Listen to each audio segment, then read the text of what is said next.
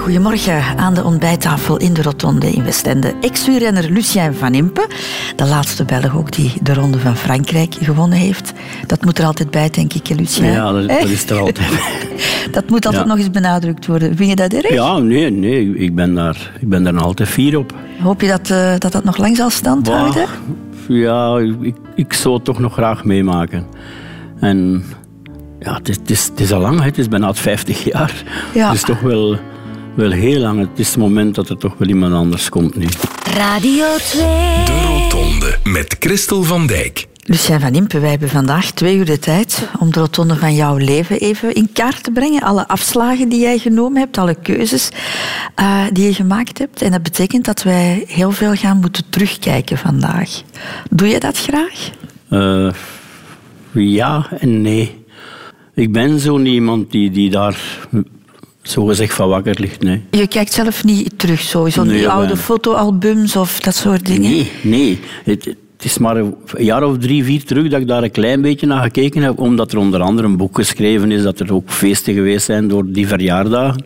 Je kent dat, 25 jaar, 30 jaar, 35 jaar, 40 jaar zijn er feesten altijd. En dan moet ik daar een beetje op terugkijken, omdat ik altijd... Uh, ja, op uitnodiging van de pers moet ik daar toch iets kunnen over vertellen. Maar in feite, naar, naar, naar die cassettes... En ik heb bijna elke ronde van Frankrijk dat ik gereden heb, heb ik op cassette staan. Ik denk niet dat ik daar ooit al enige naar gekeken heb. Nee? Nee. Nee, ik heb zelden mezelf uh, nog zien rijden uh, op de fiets. Ja, geen nostalgie. Nee, ook, niet, ook niet kranten of iets. Ik heb die allemaal. Hè. Ik heb ongelooflijk veel kranten. Uh, die, die, van in de tijd toen ik in mijn goede tijd dan. Maar ik heb daar zelf nog nooit naar gekeken. Hè. Omdat dat het verleden is en dat je zegt dat is gepasseerd? Ja. Ik, ik ben daar fier op. Ik ben daar fier op dat andere mensen dat gelezen hebben of kunnen, kunnen naar kijken of zo. Daar ben ik wel fier op. Dat, ben ik, dat voel ik nog iedere dag, ook waar dat kom. Dan, dan bedanken me, de mensen me nog altijd voor, van, voor hetgeen dat ik voor haar gedaan heb. En daar ben ik zo fier op en zo gelukkig mee. Is ja, ja dat, dat, was een beetje mijn leven zo. Hè. Daarom, ik zou moeten zeggen dat ik daarom gekoest heb. Want als ik zo'n wedstrijd gereden had, ik had goed gereden, voor mij was dat natuurlijk de Ronde van Frankrijk, wilde ik altijd zo snel mogelijk naar huis komen. Naar het café bij mijn ouders, om, om bij mijn supporters te zijn. Mhm. En die konden dan feesten en ik zat er dan op te kijken zo, en dat, dat zag ik graag. Ja. Je hebt ook heel veel weggegooid, naar het schijnt. Hè? Heel veel bekers, fanmail, klopt dat? Ja, ja. Ja, mijn, eh, mijn kinderen zijn daar niet tevreden met dat ik dat gedaan heb. Ja, ik had, dat stond voor mij altijd maar in de weg zo. En ik heb uh, ja, mijn bekers van vroeger, van, van als amateur en, en van mijn begincarrière, zo, ja, ik, ik, ik, zag dat niet graag. Ik heb dat allemaal weggedaan. Maar de, de bijzonderste zo heb ik wel nog hoor. Wat we nu gaan doen, uh, Lucien, is, is, even naar jouw Wikipedia-pagina uh, luisteren. Hè, want je, hebt een, je bent een bekend persoon, dus je hebt een Wikipedia-pagina. En daar staat onder meer dit op te lezen, Lucien. Lucien van Impe, bijnaam de Kleine van Meren, is een voormalig Belgisch beroepswielrenner. Hij is de laatste Belg die de Ronde van Frankrijk won. En er staat nog een heleboel informatie op over jouw carrière. Je moet er toch wel eens naar kijken. Wikipedia en dan Lucien van Impen intikken. Maar het is eigenlijk alleen maar over jouw carrière, mhm. over, jou, over jouw leven als renner. Maar als we iets uh, willen weten over Lucien, voor hij bekend werd, wel, dan uh, komen we wel van een kale reis terug, want daar vind je niks over. Dus we hebben aan Han Koeken gevraagd om jouw Wikipedia-pagina een beetje aan te vullen met die informatie. Lucien van Impe is geboren op 20 oktober 1946 en opgegroeid in Meren als derde in een gezin van vijf broers. Zijn één jaar oudere broer Marcel schetst ons een nostalgisch beeld van de jeugd van de gebroeders van Impe. In onze tijd, dat was met de, met de marmels, ken je dat met de kiekers? naar de beek, naar de beek gewoon, gewoon stekelbaarsjes pakken met vissen en allemaal zekken dingen nemen wat meer. Maar vooral door het vissen was de kleine Lucien gebeten, weet broer Marcel. Bij de vakantie, maar s'nachts komen wakker maken voor gewoon te vissen door de donk. Dat is in Berlaren, dat is 20 kilometer van bij ons en met een overop van een velo door s'nachts van uur of vier er naartoe. Een studentencarrière stond niet in het woordenboek van de Van Nimpes, lacht Marcel. Dat was werken, hè, werken. Werken, van ons 14 jaar allemaal.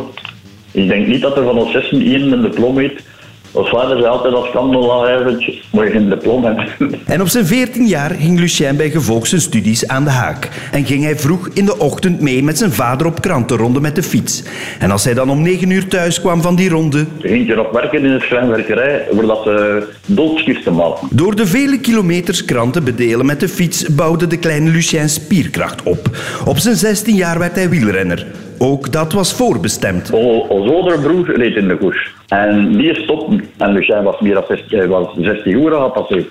En de zegt de vader tegen hem, ja, dan moet je rijden. Nee, ah ja, de, de, de rotse broer, al, juist een nieuwe fiets, kent dat hem. Uh, ik heb me allemaal dat gericht doen, bij een groene om te koersen. En Lucien nam de koersmachine van zijn broer met verve over. Hij was duidelijk van plan zijn leven lang krantenjongen of doodskistenmaker zo snel mogelijk achter zich te laten, vertelt jongere broer Raymond. Lucien leefde voor zijn koersen, dat was ongelooflijk.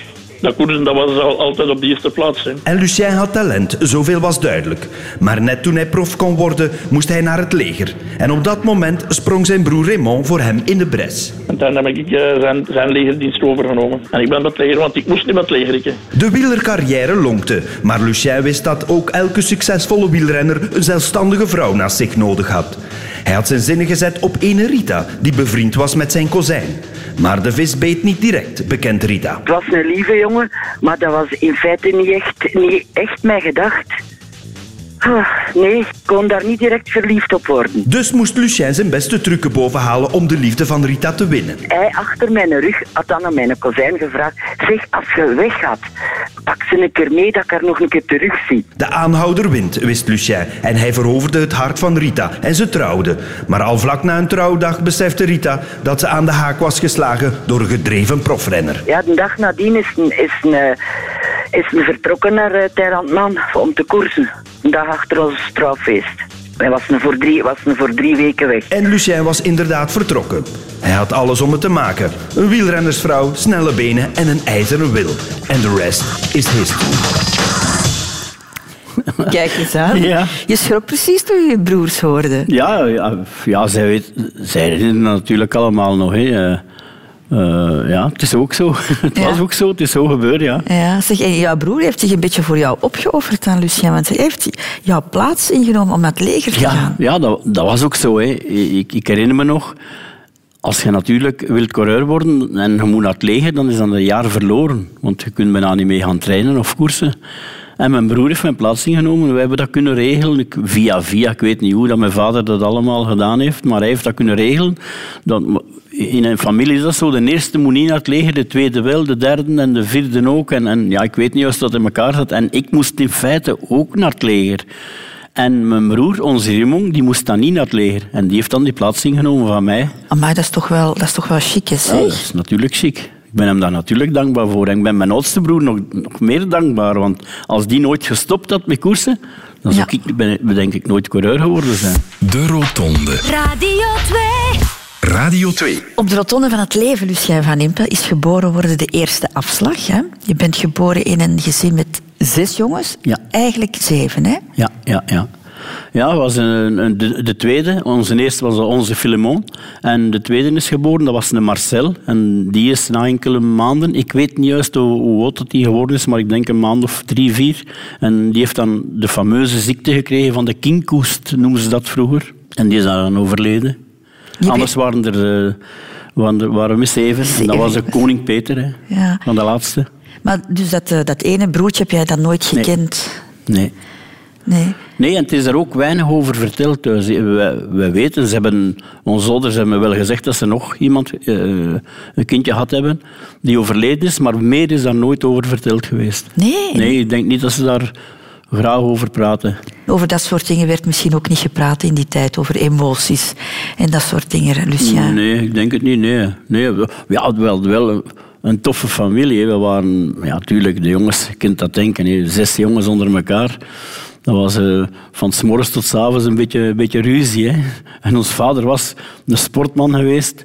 Die ons deed ons soms een keer vechten tegen elkaar. Want die zei, ik krijg vijf frank als ik, als ik tegen elkaar een keer vecht om het eerst op de rug. en wie dat er won, die kreeg vijf frank. En zo leerden wij ja, toch een beetje elkaar verdedigen. ik vond dat tof, want wij vochten toch onder elkaar regelmatig. Dus dat competitie-element zat er eigenlijk al, uh, al van het begin in. Het moet wel een drukte geweest zijn, zo'n zes jongens? Ja, dat was een drukte, maar mijn vader was wel streng hoor. Hij had wel alles goed in handen. Ja? Ja, dat was een hele strenge. Ja. Als hij iets zei, dan, dan moesten we wel luisteren. En dat deed moeder was wel gemakkelijker. Want ons moeder kregen we nog veel gedaan, maar ons vader niet. Die was echt streng. Hè. Als die zei, je mag weggaan, maar je moet om tien uur thuis zijn. Ja, dan moest dat niet vijf over tien zijn. Hè? Want mijn vader stond te wachten aan de deur. Dus jullie hebben eigenlijk al van jongs af aan een serieuze discipline gehad? Ja, ja, ja dat, wel, dat wel. Zeker. Heeft jou dat later geholpen, Lucien? Ik denk het. Ik denk het wel. Eh, en zeker voor mijn carrière. Ja? Als mijn vader zei, zoveel kilometer gaan trainen, dan moest ik dat wel doen. Ik kreeg mijn, kreeg mijn trainingsschema mee. Hè. Werken, dat stond ook wel hoog uh, aangeschreven, denk ik, bij de familie Van Impe. Ja, ja, we moesten werken. Het is natuurlijk met zes jongens. We waren, ik was geboren juist na de oorlog. Mijn andere broer was geboren tijdens de oorlog nog. Heb je daar nog iets van gevoeld, zo van die, en, van die oorlogs? wel, ik heb dat later maar zo beginnen aan te denken. Dat is toch waar ook. Ik ben juist na de oorlog geboren geweest. En, en dan herinnerde ik nog dat het toch wel thuis wel werken was om uh, brood op tafel te komen. Hè. En dat zei mijn vader ook altijd. Uh, school, we moesten maar, denk ik, die, die tijd tot ons twaalf jaar naar school gaan. Ik heb twee jaar daarbij gedaan, nog twee jaar. Ik moest een stil leren. Ik moest naar de vakschool gaan om een stil te leren, om zo snel mogelijk te beginnen werken. En, en op mijn veertien ben ik dan beginnen werken natuurlijk. En was dat ook jouw eigen keuze of, of vond je dat erg? ik denk dat we van niet beter wisten. Ik denk dat dat voor iedereen zo een beetje normaal was, dat je zo snel mogelijk begon te werken. En dat was die tijd dan. Ik herinner me nog als ik begon te werken in de schrijnwerkerij dan. Ik kreeg 9 frank per uur. Ik kan me dat niet voorstellen. ja, was dat, iets of, was dat toen ook al weinig? die tijd was dat 9 frank, was, was toch iets. Hè? Maar dat was bijna niks. En ik, ik herinner me nog dat ik na een jaar aan mijn baas op, opslag vroeg. Want ik deed mijn werk goed, dat was echt tevreden. Ja, ik maakte doodkisten. En op mijn eentje kon ik al op drie uur tijd kon ik een doodkist maken. En dat was voor hem was dat ongelooflijk. Hè? En ik vroeg opslag en ik kreeg één frank opslag. Ik kreeg dan tien frank per uur. Dat was, uh, ja, dat was weinig natuurlijk. Als je dat nu ziet, kun je dat niet meer vergelijken. Maar je was wel gedreven in je werk dan, want je wilde dat wel goed. Ik deed dat graag. Ik deed dat graag. Ja, en dan ondertussen had je nog die krantenronde ook nog, s ja, dat Was, dat was met de bedoeling eh, om coureur te worden. Hè. Die krantenronde dat moest ik doen om, om spieren te kweken van mijn vader. Dat zei hem altijd. Met de fiets gaan rijden en met veel gewicht op de fiets die krantenronde doen. En hoeveel kilo was dat dan dat jij hem Ja, dat was veel. Hè. Dat was, uh, zeker als, de, als de, de woensdag en de zaterdag was dat uh, veel kilo's. Ik heb veel fietsen kapot gereden doordat ik te veel geladen was. Ik had vooraan zo'n grote tas, achteraan twee grote tassen. En dan daarbovenop nog een pak opgebonden. Zo. Dat was toch wel ja, 60, 70, 80 kilo soms dat ik, dat uh, aan de start mocht meesleuren. En dat was heel vroeg. Hè. Ik stond om, om één uur, moest ik opstaan al. Hè. Om, om kwart over één, twintig over, over één had ik de kranten al en dan was ik al de baan op. Om, om, ik, ik wilde altijd voordat de mensen naar haar werk vertrokken, thuis al de krant in de bus gestoken maar hebben. Maar toch? Ja, voor, voor, dat was voor klanten bij te kweken. Hè. En hoeveel kilometer deed je dan ongeveer? Oh, dat was veel. Hè. Dat was uh, een, een, een, gemeente of drie dat ik deed. De kilometers weet ik niet, was wel uh, tamelijk veel. En dan kwam jij terug en dan ging jij naar de schrijnwerkerij? En dan ging ik een paar uurtjes slapen en dan ging ik bij de schrijnwerkerij gaan werken. Dat was een vriend die bij ons thuis altijd kwam bij pintje drinken. En die had dat voorgesteld aan mijn vader en zei, oké, zal komen werken bij u. Maar dat deed ik graag. Ook niet met fluwelen handschoentjes aangepakt, hè?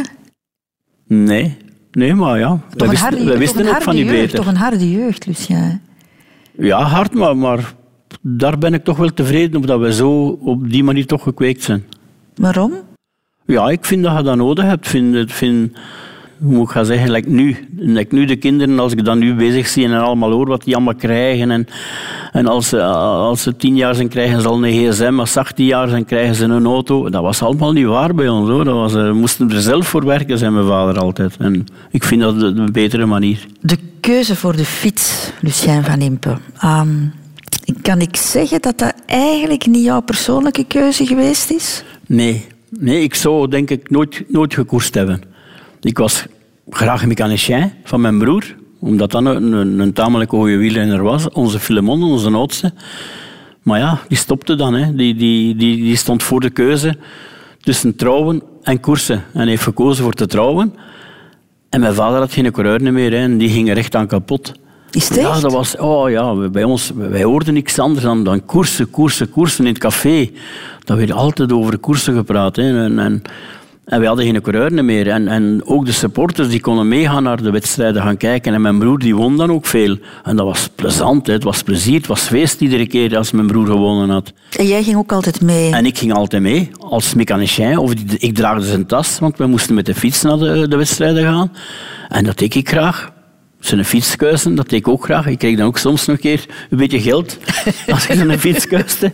En, maar wielrenner worden, nee, nee, nee daar, daar had ik nooit aan gedacht hebben om, om, om zoiets te worden. Ik zou veel liever iets anders gedaan hebben. Was, was sport zou ik misschien liever voetballist geworden zijn of, of toch iets anders. Maar koersen, dat, dat, dat, dat deed ik niet graag. nee. Maar had je een plan voor jezelf in, in gedachten? Je werkte dan al wel in die schrijnwerkerij, maar had je nog, nog andere plannen voor- Nee, voor je? nee, in feite niet. Nee. Nee, ik, denk, ik denk niet dat, dat ik ergens zo... Ja, ik heb ooit, zonder dat mijn vader dat wist, heb ik een jaar of twee eh, muziekles gevolgd. En dat deed ik ook graag. Dat zou ik misschien verder ingegaan hebben. Maar... maar eh, Zonder dat jouw vader het ja, wist, hij wist dat niet. Hè. Hij wist dat niet. En als hij daarop gekomen was, hij- moest ik direct stoppen met dat naartoe. Want hij was al bang dat ik daar zo verder in gegaan heb. En hij, hij pousseerde me altijd om, om coureur te worden, om gaan te trainen. En, en, maar ik deed ik dat niet graag. Maar ja, ik voelde dat dan, dat ze toch wel in café, ze misten wel een coureur. En mijn andere broer had dat een keer geprobeerd en dat ging niet. En, Jouw broer Marcel. Marcel. En dat was mijn tour. Hè. Dat moest ik ook een keer proberen. Hè. En dat viel dat wel mee. Want ik was zo... Ja, ik was mager, ik, ik, ik, was snel. En en ik, ik kon toch mijn eerste wedstrijd uitrijden, mijn tweede ook en mijn derde ook. En, en dat ging goed. Hè. Ja, ik was ik vertrokken natuurlijk. Hè. Feitelijk om een plezier te doen voor mijn vader en voor de supporters in het café. Dat heb ik van in het begin dat gevoel had, zo als ik, als ik ergens een ko- een koersje gereden had. Ik had dan gewonnen bij de jeugd. En ik kwam terug in het café, ja, direct was het terug feest en dat was plezant. En ik zag dat graag en, en dan kreeg ik wel die microop een beetje te pakken. Maar alleen, Lucien, dat je dat allemaal voor andere mensen gedaan hebt, dat vind ik zo straf. In feite wel, ja. ja ik, ik, ik, ik maakte mensen graag gelukkig vroeger zo en, en daar genoot ik van. En daarom deed ik dat graag, ja. Ja. Maar jouw vader heeft eigenlijk heel veel bepaald in jouw leven, hè, Lucien? Oh ja, natuurlijk. Hè. En wij moesten luisteren. Hè. Ik heb het al gezegd, mijn vader was heel streng. En hij gaf me een parcours mee. En hij ging dan ook gaan kijken. Ik herinner me nog dat hij op een gegeven moment zei... Ik had gezegd dat ik wilde klimmer worden. Mijn idolen wa- waren Charlie Gaulle en Bahamontes. En, en ik wilde ook klimmer worden. Ik had dat zo gezegd. Mijn vader zei, oké, dan ga ik u een een parcours geven met, met, met beklimmingen. En ik moest dan op de duur naar, naar de muur van Geresbergen gaan rijden. En mijn vader nam de moto en hij ging boven op de muur gaan staan om te kijken hoe dat ik naar boven reed. En ik moest van beneden tot boven spurten, zo. iedere keer naar beneden, boven, naar beneden, boven, om te leren klimmen. En ik luisterde naar mijn vader, want ik voelde dat dat goed was. Overal wat ik dan nadien ging starten voor, voor in een wedstrijd, het was een bergklassement, dan won ik dat. Want ik wilde klimmer worden, ik wilde dat bergklassement al te winnen. Die keuze had je echt en wel die duidelijk. Ja. dan wel te pakken, ja. Hij controleerde jou ook heel erg. Ja, ja, ja, het was ook nodig. Is waar? Ja, ik was wel een beetje een deugniet, ja. Ja. Ja, ik, ik vond dat verhaal van die, die, van die postkaarten ongelooflijk, Lucien. Oh ja. Hoe zat dat nu weer in elkaar? Ja, maar wel ja. Eh, Het was zo, in in Mede waren vijf of zes renners die daar waren. En als wij aan de start van de koers kwamen, dan, dan spraken we tegen elkaar en die zeiden altijd tegen mij, ja, ik heb, ik heb van de week niet veel getraind, want ik heb naar school gaan staan. Dat was dan die tijd zo. Dat Bij de was zo- meisjes. bij de meisjes, was een winkeltje aan school zo.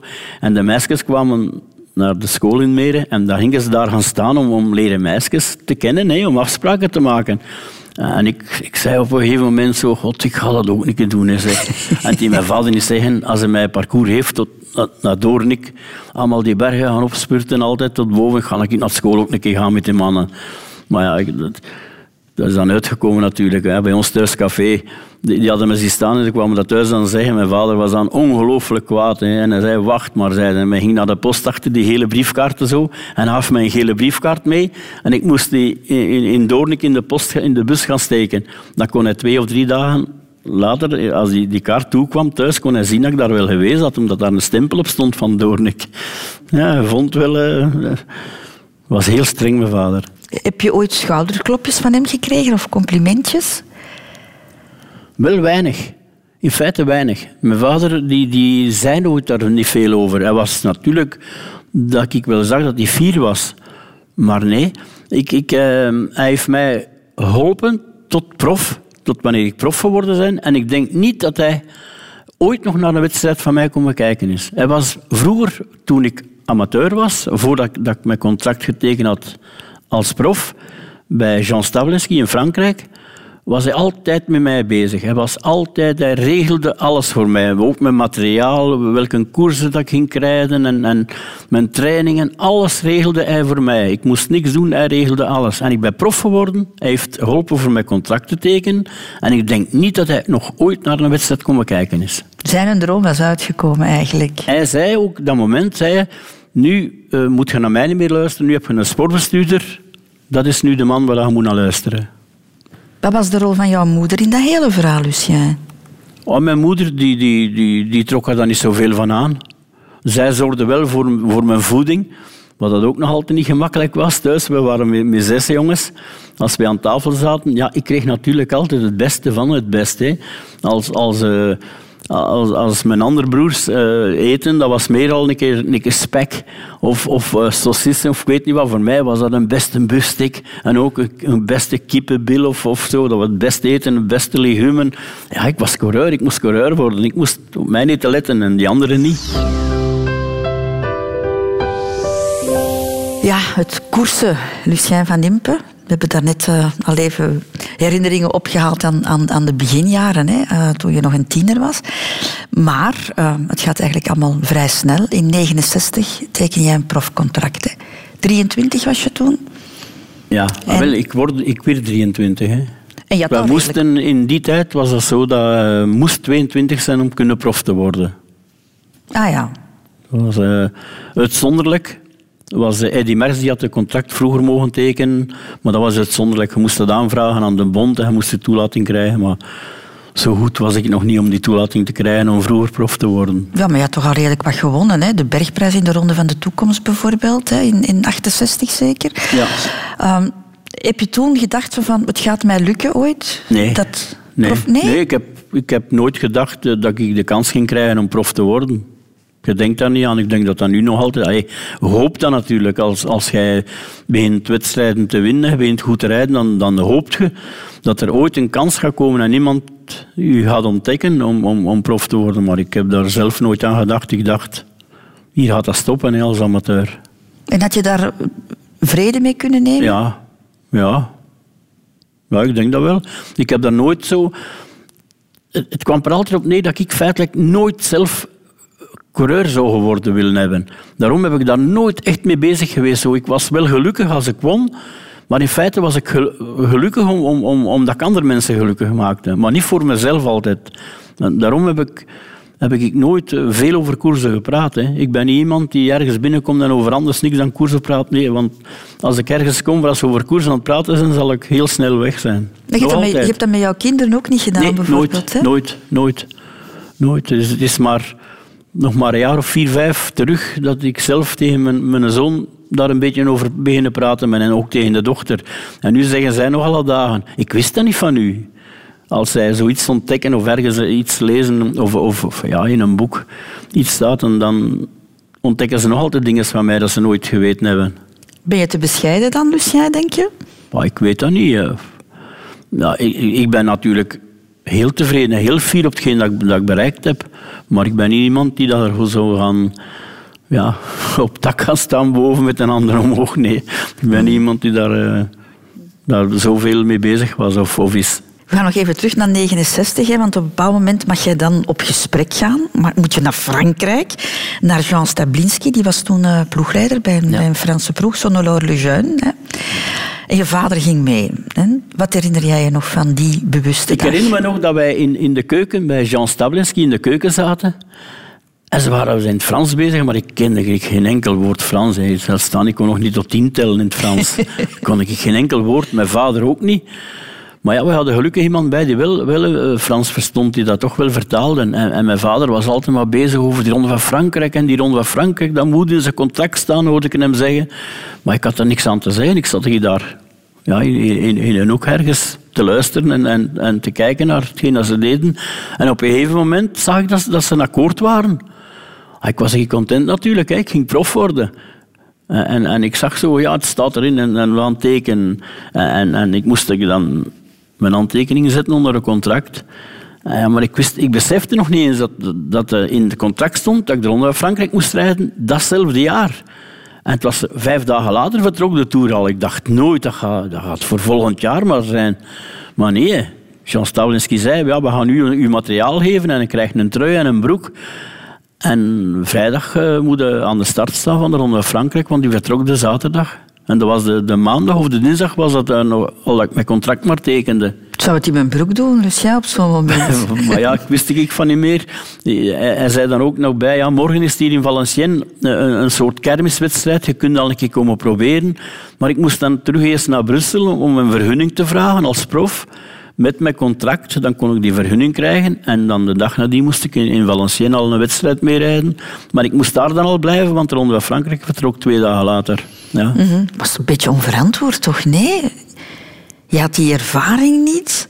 Het aantal kilometers, zoveel had je nog nooit gereden, toch, aan, aan één stuk? Ja, ik denk, ik denk moest dat nu gebeuren, of, of met andere jongens nu gebeuren, zo ongelooflijk nerveus zijn en dat zou echt niet kunnen. Maar ik, ik, ik herinner me ook, ik heb daar nooit aan getwijfeld. Ik dacht, ja, dat is zo, hè. Ik, heb ik me dan niet, niet feitelijk, eh, heb ik daar niet mee bezig geweest. Ik ben ik, uh, die koers gaan rijden de dag nadien. En voor mij was dat een wedstrijd zoals alle anderen. Want het was wel bij de profs. Die kende ik niemand niet. En twee dagen later stond ik aan de start van de Ronde van Frankrijk. Ik herinner me nog, ik stond aan de start. En ik was een ongelooflijke fan van Rick Looy.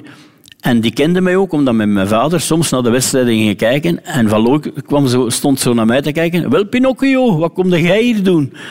Dan was ik zo fier dat hij dat tegen mij zei. Merk van Looy aan de start van, van een wedstrijd staan. Dat was ongelooflijk, hè?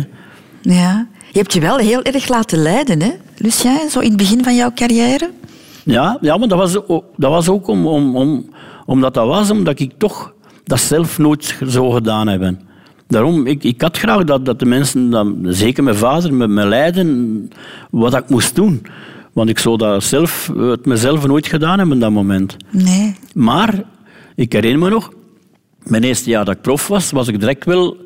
Ik wilde wel direct leider zijn van, onze, van mijn ploeg. Ah ja? Ja, ja, ja, dat wel hoor. Want ik was al, ik denk na twee, drie etappes was ik al ongelooflijk kwaad op mijn ploeg. Maar ik durfde er niks tegen zeggen. Laat staan, ik kon daar ook niks tegen zeggen, want dat waren goede coureurs. Hè. Dat waren Bellonne, Riotte, Oban, Emar, die er onder Frankrijk gewonnen. Dat waren ploegmaten van mij. Ja, ik kon moeilijk aan die mannen vragen, kom ik erop oprijden voor mij? Ik was beter dan haar. En ik wilde dat, dat er voor mij zo gewerkt worden, omdat ik voelde dat ik, ik beter kon. En, ja, en ik moest dat zelf alleen gaan doen. Hè. En, en ja, dat ging niet natuurlijk. Heb je dat moeten leren in jouw carrière, Lucien, om, om wat autoritairder te zijn, om, om met de vuist op tafel te kloppen? Ja, leren, in feite is dat vanzelfs gekomen. Om, omdat ik, was mijn eerste jaar al tamelijk sterk. En ik voelde dat ik al beter was dan mijn ploegmaten. Als bergop was, was ik er alleen maar bij. Het waren geen andere ploegmaten van mij bij. Ja, dan moesten ze daar daarbij neerleggen. Dan heb ik van in mijn eerste jaar al een beetje geleerd zo van, om, om, ze noemen dat kopman te zijn van, van de ploeg. En dat is verder altijd maar gegroeid. We gaan het eens hebben over de persoonlijke keuzes in het leven, Lucien van Impe. En daar zit de liefde ook bij. Hè? Een gezin met allemaal broers. In hoeverre waren meisjes een soort van uh, buitenaardse wezens voor jou? Buitenaardse wezens Dat is misschien overdreven, ja. Maar hoe ver af stonden ze van jou? Ah, ver, in feite. In feite ver. Ik, ben niet, ik was niemand die iedere week wegging. Door dat ik moest koersen, moest ik op tijd in mijn bed liggen. In begin mijn carrière was dat... Uh, om negen uur moest ik thuis zijn altijd. Kon ik al niet veel weggaan. En uh, als ik dan een jaar of, of, of 17, 18 was, dan moest ik... Uh, 19, dan moest ik om tien uur moest ik een uur langer wegblijven. Dat was ook al niet veel van uitgaan. Hè. Dat was wel een keer ergens naar de cinema gaan. En verder ja, gaan een pintje drinken, weinig of niet. Maar kwam je ze tegen? Ja, maar niet veel. Nee, in feite niet. De eerste meisjes dat ik kennen was bij ons uh, op de tijd op de kermis, hier of daar. Je kent dat in de rups bijspringen en zo. Maar verder... Uh... En dan ging het ding naar, naar omlaag, ja. de kap naar omlaag. Ja. En dan ja. gebeurde er al wel eens iets. Ja, dat kon. Maar verder... Uh, verder heb ik, ik, kan, ik kan niet zeggen dat ik ooit iemand leren kennen heb in, in, in een dansing of iets, want ik weet niet dat ik ooit in mijn leven vijf keer in een dansing binnen geweest ben. En je vader was allicht ook heel streng op dat gebied. Ja, voor hem... Hij zal er niet aan gedacht hebben, dat was voor de meisjes of iets, maar voor hem was dat... Een, ja, koersen, dat was op tijd, op tijd gaan slapen. Hè. Hij zei altijd, je, wint de koersen in, in je bed. En als ik in de, in de winter dacht, ja, nu moet ik niet gaan trainen, nu moet ik niet aan koersen denken, dan zei hij, ah, in de winter win de koersen. Dat was in de winter dat ik moest gaan, gaan ergens iets van sport gaan doen of, of gaan werken om open te gaan. Hij deed me dan gaan werken soms bij, bij, de, bij de. En die tijd waren er nog niet veel kraan. Dan moest je nog met de stenen en met de beton naar boven gaan op een ladder. Hè. En dan moest ik werken om open te gaan, om spieren te kweken. Krachttraining avant la lettre eigenlijk. Ja, ja. ja, Nu had waarschijnlijk ook schrik dat het jou van het wielrennen zou afhouden, de liefde. Hè? Want bij jouw oudste broer was het zo. Hè? Die had moeten kiezen tussen de liefde en het wielrennen en die koos voor de liefde. Dat was ook zo. Hè. Dat was ook zo. Hè. Mijn, mijn broer zou, zou anders coureur geworden zijn ook, want was echt een goeie. En, en die heeft gekozen voor de liefde. En dat zal misschien bang geweest zijn van mij. Het was ook zo, als ik mijn eerste echt lief, dat was mijn vrouw nu, leren kennen heb, was het ook zo. In het begin waren ze echt thuis niet content hè, dat ik een lief had. Hè. Nee? Ah ja. Ja, ik, ik, begon, ik ging prof worden en ik ging een beetje meer geld beginnen te verdienen. En kwam meer geld binnen natuurlijk. En als ik ging trouwen, dan was dat voor mij alleen, dat kwam er niet meer binnen. Dat was dan ook al een beetje zo van, hola. Ik herinner me nog dat ik, dat ik uh, mijn laatste uh, pre, noemden ze dat dan, kreeg twee dagen voordat ik getrouwd ben. Ik moest die nog afgeven. Ik dacht, ik ga die mogen houden, maar ik, moest die ook nog afgeven. Hè. Ah ja, jij gaat echt alles ah, Ja, natuurlijk. Die tijd was dat zo. Als we gingen werken, was dat werken voor het gezin, hè. Hoe oud was jij precies, uh, Lucien, toen jij Rita tegenkwam? Ik denk dat ik een jaar of twintig was. En zij is vijf jaar jonger, dus ja. zij, was, zij was piepjong Zij, was een jaar of zestien, ja. Zestien, denk ik, ja. Jullie zijn dan vier jaar later getrouwd, hè? Ja. Je had eigenlijk bij wijze van spreken, ik mag het toch zo zeggen, Lucien, je had eigenlijk geen andere keuze dan te trouwen op dat moment. Nee, mijn vrouw was al in verwachting. Ze was al vijf maanden ver van onze Bart. Weet je nog waar je was toen ze het jou vertelde dat ze zwanger was? God, nee. God, ja, waar zou dat geweest hebben? Nee, ik zou het echt niet weten. Weet jij het? Nee, ik En wat was jouw eerste reactie? God, ik, denk dat ik uh, de eerste vijf minuten iets zal gezegd hebben dat ik zelfs al geschrokken hebben. Dat weet ik nog, dat dat, dat een beetje paniek was in het begin. Dat, dat weet ik zeker nog. Dat dat grote paniek was, dat was. En nu? Nu moeten we dat thuis gaan vertellen. Dat was ongelooflijk. Ah, die dagen herinner ik me nog dat we daarmee bezig zaten van ja, hoe gaan we dat thuis gaan vertellen? Zo schrik, ja? Ah, ja, ja, ja, ik was bang natuurlijk.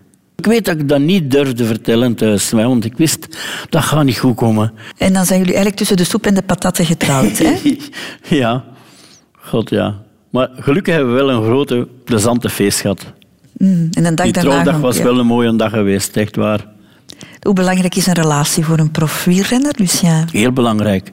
Heel belangrijk. Hè? Als jij als, jij, eh, als, als wielrenner gaat eh, trouwen en uw vrouw is daar een beetje tegen, tegen uw beroep dat je doet, dan kun je nooit coureur worden. Dat kan niet, want je, je moet met, met niets bezig zijn. je moet uh, aan niks mogen denken, geen problemen hebben als coureur. Want dan, als je daarmee bezig bent, dan kun je laat staan een afdaling rijden tegen 100 km per uur in, van een kool. Dat is gewoon niet gaan. Je zult je verongelukken als je met iets bezig ligt. En de vrouw is heel belangrijk.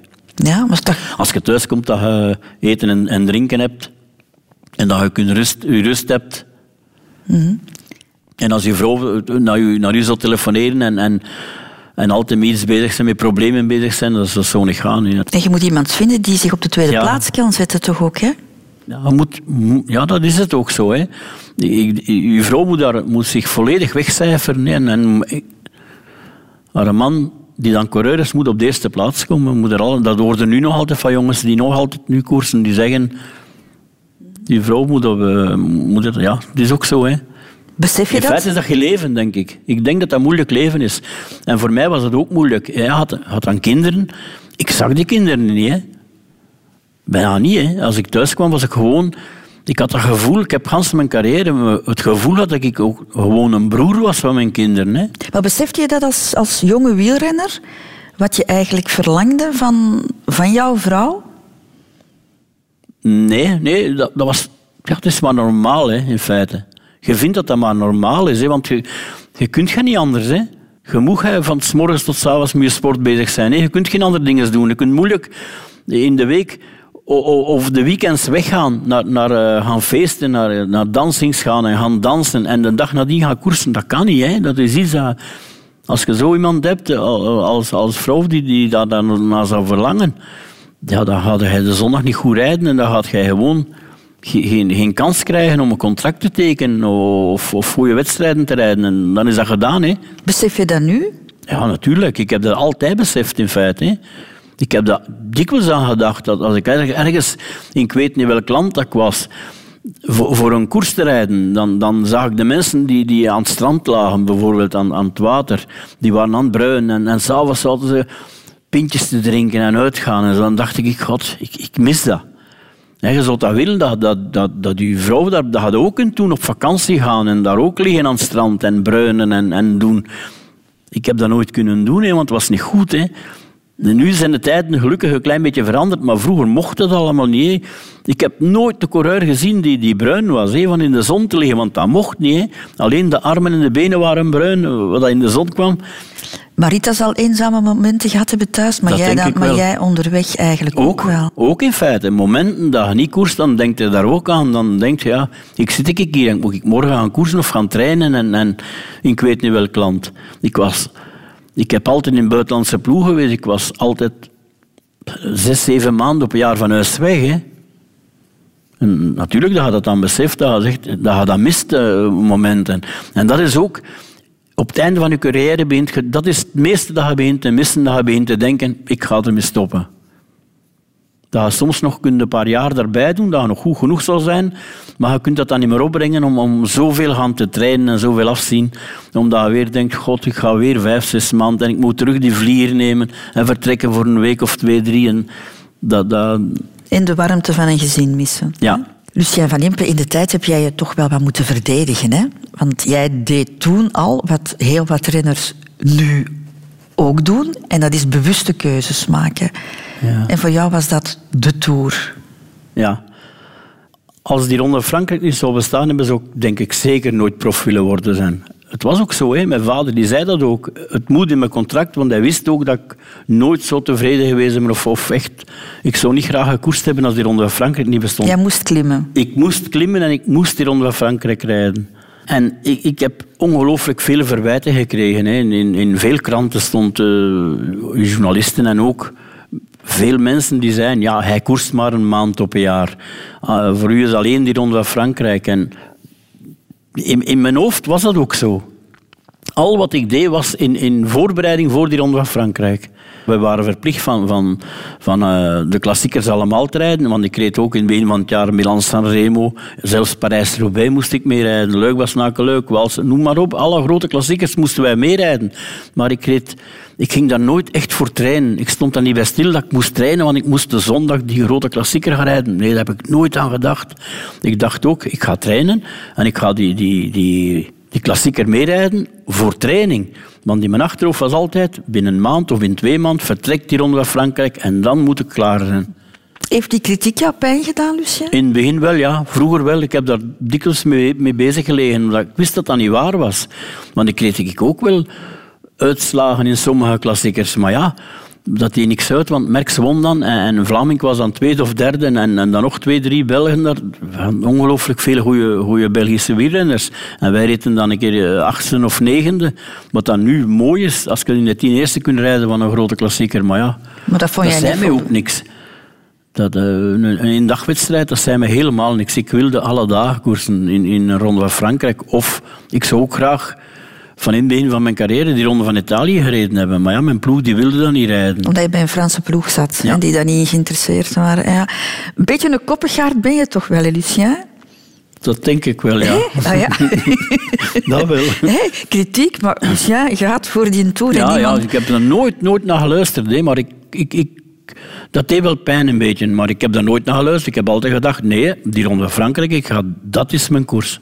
Mm en in het begin had je eigenlijk ook nog niet zo die grote ambitie, had ik de indruk. Dat bergklassement, die, die bolletjestrui, dat was voldoende. Ja, ja maar ook als bergop was, bergop aankomst was, dan wilde ik wel die, die etappe winnen natuurlijk. Maar voor mij was in de eerste plaats was het, het bergklassement winnen. En zeker vanaf die, die, die bolletjes teruggekomen was, als ik dan terugkwam, dan was ik nog vier natuurlijk. Ja, want ik had een trui voor mee te brengen naar België. En dan moesten we in de criteriums rijden. Die tijd moesten wij nog 20, 30, 40 criteriums rijden na die ronde van Frankrijk. En ik moest dan rondrijden in die bolletjestrui en, en dan herkenden ze je veel beter. In, in het begin, toen ik de eerste drie keer het bergklassement won, dan was dat, uh, ja, ik kreeg zo'n stickerknop geplakt en, en dat zei niemand iets, dat zag niemand niet, dat je, dat je aan de leiding stond. Maar als ik kon een trui dan was dat wel, wel veel mooier. En die bolletjes die vallen wel op natuurlijk. Ja. Hè? Maar hoe komt dat het dan zo lang geduurd heeft vooraleer je een grotere ambitie had en de ambitie om die Tour dan ook helemaal te winnen? Maar dat groeit, hè. Dat groeit en je begint om de duur in jezelf te geloven. Ik heb natuurlijk ja, de kans gekregen, misschien zou ik moeten zeggen, dat ik tegen Merckx moet nog boksen heb altijd. Als Merckx dat niet zou geweest zijn, zou ik misschien ook niet, niet, niet, niet, zo goed geweest want wij trokken ons een beetje op aan Eddy. Maar tegen hem koersen, dat was niet te doen om die Ronde van Frankrijk te kunnen winnen. Maar heb je heel lang gedacht van, die gele trui, dat is, uh, dat is niet voor mij? Nou, wel, ik heb daar wel altijd aan gedacht. Ik heb altijd gedacht, ooit komt mijn, mijn tijd wel een keer dat ik wel kan rijden voor die ronde te winnen. Ja, ik, ik, voelde dat ook, want ik, ik reed zo dikwijls in de tien eerste en ik was altijd met de betere mee. En dan heb ik altijd gedacht, ik ga toch wel een keer, denk ik, mijn kans krijgen. Maar in 76? dus Heb ik die kans gekregen, ja. Maar je was ook heel zelfzeker de maanden voordien. Ja. Toen wist je precies van, ik, ik, ga, ik ga die Tour winnen. Hoe, van waar dat kan ja, moment? Dat is meest gekomen door... In 1975 heb ik daar een, een, een fameuze tijdrit gewonnen van 9, ik denk 49 kilometer, dat zoiets was, ja, een klein 50 kilometer een tijdrit. En de beste van de wereld waren daar. En het was geen tijd met een klimtijdrit, we konden niet zo noemen. Het was wel een klein, een klein bergje daarin. En ik won daar die tijd En dan is bij mij die, die, die knop omgedraaid geweest. Zo denk, als ik dat kan, ik kan klimmen en ik kan tijdrijden, dan moet ik zeker die Ronde Frankrijk kunnen winnen. Dan, dan voelde ik het direct, nu ben ik daar klaar voor. En ik had dan ook nog de chance dat Eddy al een beetje minder was. In 75 was Eddy al, al minder, hij was niet zo goed. En in 76 kwam hij dan ook niet aan de start. Dan moest ik alleen maar, alleen maar opboksen tegen, tegen Bernard Thévenet, tegen uh, Poulidor en Zoetemelk. Dat waren de grootste tegenstander. En ik, ik, ja, ik voelde al van in de winter, die kan ik wel aan. Want het was echt een parcours die, die wel gemaakt was voor iemand die goed kon bergop ja, rijden. Het is raar hè, dat je dat echt aanvoelde op dat moment. Hè. Hoe was dat, uh, Lucien, om zo op dat hoogste schavotje te staan? Ja, dat, dat, dat kunt je, je kunt dat moeilijk iemand... Je kunt, ik kan het niet zeggen, dat is ongelooflijk. Zeker als je zo al... Ik was al acht jaar prof. En, en gevoeld dan, dan van een paar jaar tevoren al dat ik voelde dat ja, mijn tijd gaat komen. Ik ga kunnen in mijn carrière misschien... Je zit daar niet zeker van natuurlijk, maar ik voelde toch dat kan. Het kan. Ik, kan tweede worden, derde worden, dan moet ik ook die Ronde van Frankrijk kunnen winnen. En wanneer je dan die hele trui aan, aan doet, de eerste keer, ja, dan twijfel ik nog. Dan was ik al tevreden dat ik een keer die hele trui kon dragen. Maar toen ik die trui de tweede keer nam, dan heb ik direct S'avonds heb ik tegen mijn ploegmaatsen, tegen iedereen gezegd, ik geef die niet meer af. Ik neem die mee naar Parijs. Die is voor mij. En als je dan in Parijs die trui krijgt, ja, dan dat, dat kun je niemand, uh, niemand zeggen. Die, die, dat, gevoel, die, dat, dat is een bekroning op je carrière natuurlijk. Besef je toen ook, Lucien, dat jouw leven en jouw carrière vanaf dan ook helemaal zou veranderen? Nee, dat besefte niet. Nee, dat besefte ik niet. Want ik geloofde dat ook niet. Als, als mijn vrouw uh, naar de koers kwam of aan telefoon zei... Ja, het is hier een groot feest in Meer, het zijn hier duizenden mensen... En ik zei, ja, maar overdrijf dat, dat zal wel niet waar zijn. En daarom zei ik ook na de koers, als gewoonte, ieder jaar, na de Ronde van Frankrijk, ik ga naar Meer, ik ga naar het café. En ik dacht, ik, gaat er een paar honderd mensen staan in het café. We gaan weer een pintje drinken en een beetje plezier maken. Want dat, dat, dat was mijn leven zo een beetje. Nee, die, die, de supporters die feesten natuurlijk. Ja, maar dat was een beetje overdreven. Ja, er stonden duizenden. Duizenden en duizenden mensen, nachts om vier uur nog. Dat is niet te geloven. Hè. Maar ik... Dat besefte ik niet, nee, dat dat kon. Dat de mensen ik besefte dat niet, dat ze mij gewoon wilden aanraken van dat moment. Maar ik was een week ervoor toch maar een gewone mens. En dan een keer was ik iemand zo, met iedereen met haar mond open stond naar op te kijken. Ik besefte dat niet, nee. Maar je status in het peloton verandert toch ook wel? Ja, natuurlijk, overal. Hè. Ja, overal waar je komt. Hè. En zeker in het peloton. En, en in feite ging het nadien gemakkelijker omdat ze dan een beetje bang waren van mij. En ze dachten, het is toch geen avans. Als bergop was en ik ging dan demareren, dan kwamen ze me niet meer halen, want ze dachten, we krijgen hem toch niet. Wat dat wel niet waar was soms, maar ja. Heb je daar je voordeel uh, uitgehaald, Lucien? En dan bedoel ik ook financieel bijvoorbeeld, uit die overwinning? Ja, natuurlijk. Als je de Ronde Frankrijk wint, dan, dan gaat je natuurlijk meer geld verdienen. Nee, maar het is niet lekker nu de tijden zijn natuurlijk. Hè, maar, maar, want wij werkten weinig of niet met managers in die tijd. We moesten alles zelf doen. En dan laat u nogal gemakkelijk een keer, een keer gemakkelijk ja zeggen dan, dan dat, er, dat het nu gebeurt. Had je er meer uit kunnen halen, denk je? Ik denk dat wel. Ik denk dat wel. Ja, maar ik zeg het, je kunt dat zelf, je hebt, je hebt daar geen tijd voor, hè, dat moment om daarmee bezig te zijn, om, om, om daar mensen rond u, goede mensen rond u te nemen en zij het op te lossen. Je denkt allemaal, ja, dat komt wel van stil, ze gaat dat zelf allemaal wel doen. En uh, het gaat allemaal zo snel. En het is ook snel voorbij natuurlijk. Radio 2. De Rotonde. Kinderen, Lucien van Impe, dat is ook een keuze in het leven nu de keuze die jij niet meteen hebt moeten maken? Want zoals net gezegd, Rita was dan uh, zwanger plotseling.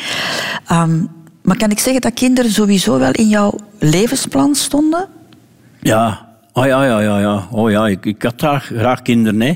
Maar ik zou er wel meer gewild hebben, zelfs ik. Ja? Ja, ja. Je hebt er twee. Oh, ja. Maar ik, bij mij, ik zou niet kwaad geweest zijn, moest ik er drie of vier gehad hebben. Hè. Ik ben natuurlijk tevreden met twee, een jongen en een meisje. Ze noemen dat een koningswens. Hè. Daar was ik natuurlijk eh, tevreden mee. Het enige was dat, ik nooit iets zien, zien doen heb. Hè. Ik heb uh, nooit naar... Geen, ik wist dat, dat, ze naar school gingen, maar waar of, of, of, of hoe of wat. Ik heb dat nooit, eh, nooit kunnen meemaken. Als ze thuis kwamen van school voor haar huiswerk te maken of zo, helpen of zo, ik heb dat nooit kunnen doen. Laat staan, eerste communie, plechtige communie. Ik heb dat nooit meegemaakt. Was je erbij bij de bevallingen? Ja, gelukkig. Ja, dat was ik. Ja, ja, ja, ja, ja, dat was ik. Gelukkig eh, was ik thuis die dag. Ik, ik herinner me nog voor, voor Bart. Voor Bart was ik uh, natuurlijk thuis. Ik was een dag tevoren naar huis gekomen. En, en uh, ik, ik heb de bevalling meegemaakt. En van Suzy ook. Dat was dan in, in januari. Dat was ik uh, tijdens de, de, de pauze van... Dan werd het toch niet gekoerst. Mm. Je zegt, ik had liever meer kinderen gehad misschien. Hoe komt dat ze er niet gekomen zijn, Lucien? Ja, dat is afspraak met uw vrouw dan. Hè. Dat, uh, gelukkig had ik er maar twee. Stel je voor dat ik er drie of vier had, dan was het nog moeilijker voor de vrouw natuurlijk. Ah, ik was nooit thuis. Ja. Dat is het nog moeilijker geweest hebben. Ik denk dat wij daarover gesproken hebben natuurlijk. Je zei meteen toen ik over kinderen begon van ik heb zoveel dingen niet meegemaakt. Het feit dat je dat zo meteen zegt, is dat dan ook omdat jou dat dwars zit? Ja, ja, ik heb, ik heb daar veel, veel mee bezig geleden. Dat, dat, ik zei van... En zeker als er iets te doen was zo in school of, of, of dat de kinderen iets moesten doen. En, als ik thuis kwam, dan, dan vroegen ze me soms iets en moest ik zeggen... Ja, ik weet dat niet liggen, ik weet dat niet. Vraag dan aan uw mama, want ik wist zelf niks. Hè. En, en daar was ik wel mee bezig. Ik dacht, is dat nu... Is dat nu vader zijn? Is, is, is dat nu je kinderen... Ja, ik heb die niet opgevoed, hè. Ik heb die tijdens haar jeugd niks kunnen leren. Gelukkig hadden ze een goede moeder die haar alles geleerd had. En, en hebben wij een ongelooflijke goede band nog altijd. Ja, is dat iets dat je hebt moeten opbouwen na, na, na het stoppen met wielrennen? Dat je moest... Voor allemaal herpakken zo, hè, ja. In het begin was dat ook niet, niet zo. zij dachten er niet aan om, om, om een te vragen voor weg te gaan of ergens naartoe te gaan of mee te gaan. Dat is stilletjes aan gegroeid, meer om meer om meer nog altijd. Nog altijd, dat groeit nog altijd, nu nog altijd, vind ik. Ik denk niet dat wij één dag zijn dat we elkaar niet horen of niet zien. En, en nu die band, dat is ongelooflijk nu, omdat ik dat in feite beginnen poseren ben. Ik wilde die skade inhalen, ik wilde daarbij zijn, ik wilde met dingen meemaken. En, mhm. en, en zij, ik voel nu dat zij dat ook wel wil. Ja. Dat ze ook wil, als er iets te doen is, dat ze altijd naar mij bellen of te vragen, gaat u niet mee of kun je niet meegaan? Of, of, of gaan we daar een keer naartoe? Of kinderen een keer naartoe? En dat, dat heb ik vroeger altijd gemist. Hè. En ik denk dat zij dat ook weten. Heb je daar ooit over gepraat met hen? Of gevraagd van, van jullie het erg dat ik er niet was? nee, ik heb daar nog nooit over gesproken. Ik toch niet. Zij hebben wel dat dikwijls te verstaan gegeven. Hè. Jij hebt dat niet meegemaakt, zeggen ze dan, dat of dat, of zo. Of, of zo dingen dat ze in school meegemaakt hebben. Met vriendjes dat ze hadden. Ik kom nu nog soms kinderen tegen die zeggen, ik was een goede vriend van uw zoon of van uw dochter. Dat ik zeg, ik heb je nooit gezien. ja. ja die kwamen bij ons thuis dan, hè. die kwamen daar dan spelen of zo, jaar, of, of gingen ze bij. Maar ik weet dat allemaal niet. Hè. Ik heb dat allemaal niet gezien ooit. Dat is misschien de grootste tol die je hebt moeten betalen, hè, ja. ja, maar dat is zwaar. Je moet je, je, moet je daar kunnen bij neerleggen. Hè. Je moet verschrikkelijk veel kunnen laten. Uh, als sportman, ik denk dat dat in andere sporten ook is, hè, is moet je alleen met je sport bezig zijn. Dat is opstaan, trainen, eten, trainen en teruggaan, terug rusten en terug uh, altijd hetzelfde. Niks anders hè, dan met je sport bezig zijn. Mm En dan kun je een goeie worden. Want ze zeggen dikke, hij is ermee geboren. Ja, je kunt ermee geboren zijn, maar als je dan niet, niet doet wat je moet doen, dan komt het er ook niet uit. Hè. Nu, jouw kinderen, Lucien, hebben toch wel een heel grote rol gespeeld in een van de belangrijkste beslissingen in jouw leven, denk ik. Hè? In 2013 ben jij gestopt als sportbestuurder. Ja. En dat was voor jouw dochter, hè? voor Suzy. Ja, ja de, zij is ziek geworden. En ik heb direct gezegd, stop ermee dan. Dan doe ik niks meer. Dan... Het was ernstig ziek, hè? Ja, ja, ja. Kanker, hè? Ja, ze was echt, echt, echt ziek. Ze heeft een jaar ongelooflijk slecht geweest. En ik ben er iedere dag bij geweest. Ik heb gezegd, ik doe niks meer. Nu wil ik alleen daar zijn voor haar, ja. Was dat een soort van, hoe moet ik het zeggen, een soort van goed maken ook? Maar ik denk dat, dat iedere ouder dat zo doet, zeker. Ik denk dat wel. Als, dat iedere ouder uw kinderen niet, niet, niet wil zien lijden. En, en toch, uh, zo'n ziekte, dat is toch wel... Dan zijn we wel bang, hè. En jij wou er elke dag zijn voor ja, haar? Ja, ja, we hebben natuurlijk schrik gehad, hè, wat dan normaal is. Als je, dat woord alleen, hè, kanker, dat is dan denkt je aan het slechtste natuurlijk. Mm. En dus stoppen, dat was voor jou de enige? Ja, ja, ja. Dat wel. Ja, ja, Maar ik denk, ik denk dat iedere ouder dat zou doen. Je hebt er alles voor over natuurlijk. En als je dat kunt, kunt bij zijn voor te helpen, dan als, als iemand zo ziek is, ja, dan, dan doe je dat ook. Hè. En ik zeker. Ja, ik, ik, was dan ook op een ouder om dat kon stoppen. Hè. Dat ik zei, kon zeggen, ik stop ermee volledig, ik doe niks meer dan alleen dat. Mm. Hoe belangrijk... Daar hebben we dagen en nachten mee bezig gelegen natuurlijk. Hoe belangrijk is die beslissing geweest, Lucien, voor de band die jullie nu hebben? Jij en je dochter? Heel belangrijk.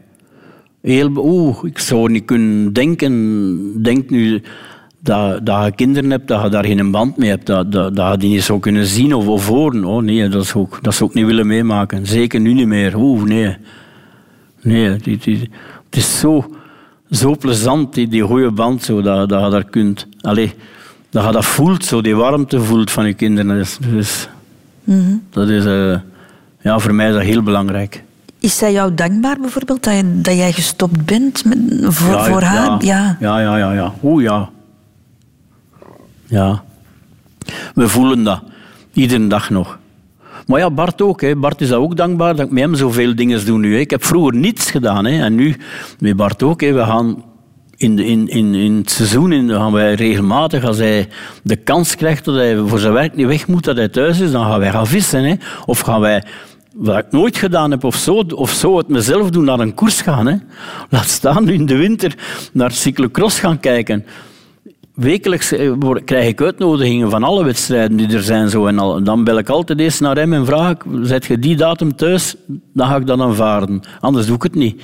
En dan gaan we samen naar de koers gaan kijken. En hij geniet daarvan. En, en hij, ik weet, hij is fier op zijn papa natuurlijk. Hè, wat, en, en, en zeker dat ik nu met hem overal naartoe ga. Dat is, dat is ongelooflijk. Hè. Hm. Wel fijn, hè? Dat je de kans hebt gekregen om die band... Om, om, voor om dat, dat nu goed te maken. Ja, ja, ja, voor mij wel. Hè. Ja, wel. Dat was heel belangrijk voor mij. En ze weten dat. Radio 2. Op de rotonde van het leven, beste Lucien van Impe, moeten wij ook doodgaan, hè? Ja. Ja, het spijt me, maar... Hè? Je bent er dichtbij geweest, hè? Ja. Ja, want mensen die zeggen, ik ben niet bang voor de dood. Ik weet het niet. Hè. Ik weet niet dat, dat, dat ze dat menen. Ik vind van wel. Ik vind, je leeft toch graag. Je zet er toch graag bij. Je maakt toch graag dingen mee. En als je dood zit, dan is het gedaan. Hè. En ik heb, uh, een paar jaar terug heb ik dat, die hartinfarct gekregen. Dan ben ik er dichtbij geweest natuurlijk. Dan was ik heel bang. Heel bang natuurlijk. En nog altijd. Het minste dat je voelt, dan denk ik, god, ik ga dat toch terug niet krijgen. Eh, en dan ben je al te denken, is dat ver van hier een, een, hospitaal of zo? Kan ik daar naartoe gaan? Dan, dan zit je bang, hè. En, en nee, ik wil nog zo lang mogelijk blijven natuurlijk. En ik doe er ook alles voor. Hè. De dokter heeft, heeft gezegd, geen inspanningen meer. En ik ga dat allemaal doen hoor. Ik, ga, ik wil nog lang blijven. Leef je heel consequent nu? Ja, ja, ja, ja daar denk ik aan. Dat, uh, gezondheid is alles. Hè. En, en ik zo, ik, nee, nee ik, ik, ik, kan dat niet begrijpen dat mensen zeggen: ik ben niet bang voor de dood. Ik wel. Ik kom daar vooruit, ik wel. Was je toen bang op dat ogenblik? Ja. ja. Herinner je daar nog veel van? Ik herinner me er nog, ja. Ik herinner me nog, uh, ja, tuurlijk. De eerste keer dat ik het gekregen heb, was thuis. Ik was naar televisie aan het kijken. En ik voelde dat ik... Ja, ik had die pijn in mijn borst en, ik voelde dat het niet juist was. En, mijn vrouw zei, moet ik naar de dokter bellen? Ik zeg, ja, het is maar 20 kilometer meer van. Ik wil de aankomst eerst nog zien. Maar ja, vijf minuten nadien ben ik dan opgezakt natuurlijk. Hè. Dat was, uh... En als ik binnen gegaan ben, dan nog een keer. En, en dan, ja, ik, ik herinner me dat de dokters allemaal daar binnen gevlogen kwamen en dat ik direct binnen moest even geopereerd te worden. Maar je had pijn op dat moment? Ja, natuurlijk. Ik had veel, verschrikkelijke pijn. Nou, maar ja, is dat gewoon ik natuurlijk. Ik zei ook tegen de dokter later. Hè. Hij zei, waarom, zei, waarom hebben ze zo lang gewacht? Ik zeg, ja, pijn. Ik zeg, die pijn dat ik had, heb ik in de Ronde van Frankrijk tien keer meer had ik dan pijn. Zie je, wij, ik, was gewoon, ik ben gewoon van pijn te hebben vroeger. En dat was, voor mij was het dezelfde pijn een beetje. Hè. En je denkt je daar niet aan. Ja, dat gaat over. Hè. Niet flauw zijn. Ja. Maar het is wel een wake-up call geweest, hè? Ja, ja, ja dat wel. Dat wel hoor. Dan kan niemand niet uh, iedereen aanraden. Als je pijn voelt in je borst, bel naar de dokter. Je, je zei daarnet van dat, dat je schrik hebt om, om, om dood te gaan, Lucia. Nochtans dacht ik dat jij toch een, een heel gelovig man bent ook. Ja, het is niet zo gelovig dat, dat, dat ik iedere, iedere week naar de mis zal gaan. Alhoewel dat wij vroeger, van ons moeder en ons vader vroeger, moesten wij iedere week, als we thuis waren, moesten wij naar de mis gaan. Maar geloof ik wel, ja. Ik denk niet dat ik ooit een wedstrijd gestart ben zonder me een kruis te maken. Ja, ik ben gelovig. Had je ook geen medaillon aan je helm hangen? Ja, ik heb dat ook gehad, ja. Altijd. Is dat een zegen in het leven, Lucien, als je gelovig bent? Ik vind dat dat je moet denken dat er iets is hè, en dat je er wel moet in geloven. Als je erin gelooft, denk ik, ja, ik denk dat dat, dat, dat, kan. Dat moet kunnen. We zijn zo opgebracht. Hè. We zijn zo, uh, als we klein waren, ja, dat was ook heel anders. Ik zeg het, ik ben geboren juist na de oorlog. Ik denk dat de mensen nog veel meer gelovig waren dan, dan nu nog. Hè. Zeker nu, de tijden zijn echt veranderd. Hè. Maar ik vond dat wel mooi. De zondag naar de mis gaan, ik vond dat, ik vond dat tof, ja. Heeft dat geloof jou ook geholpen bij de ziekte van Suzy, van, van jouw dochter? Ik, ik denk dat. En ik geloof daarin.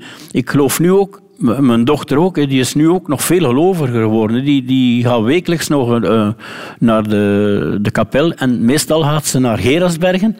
In Gerasbergen is boven de muur, de kapelmuur, staat de kapel. En daar gaan mijn dochter regelmatig ah, nog een kaarsje gaan doen branden. En ik heb haar het is nu wel al, al een jaar of vier geleden heb ik haar dan beloofd dat wij naar Lourdes gingen gaan. Ik heb nog niet geweest.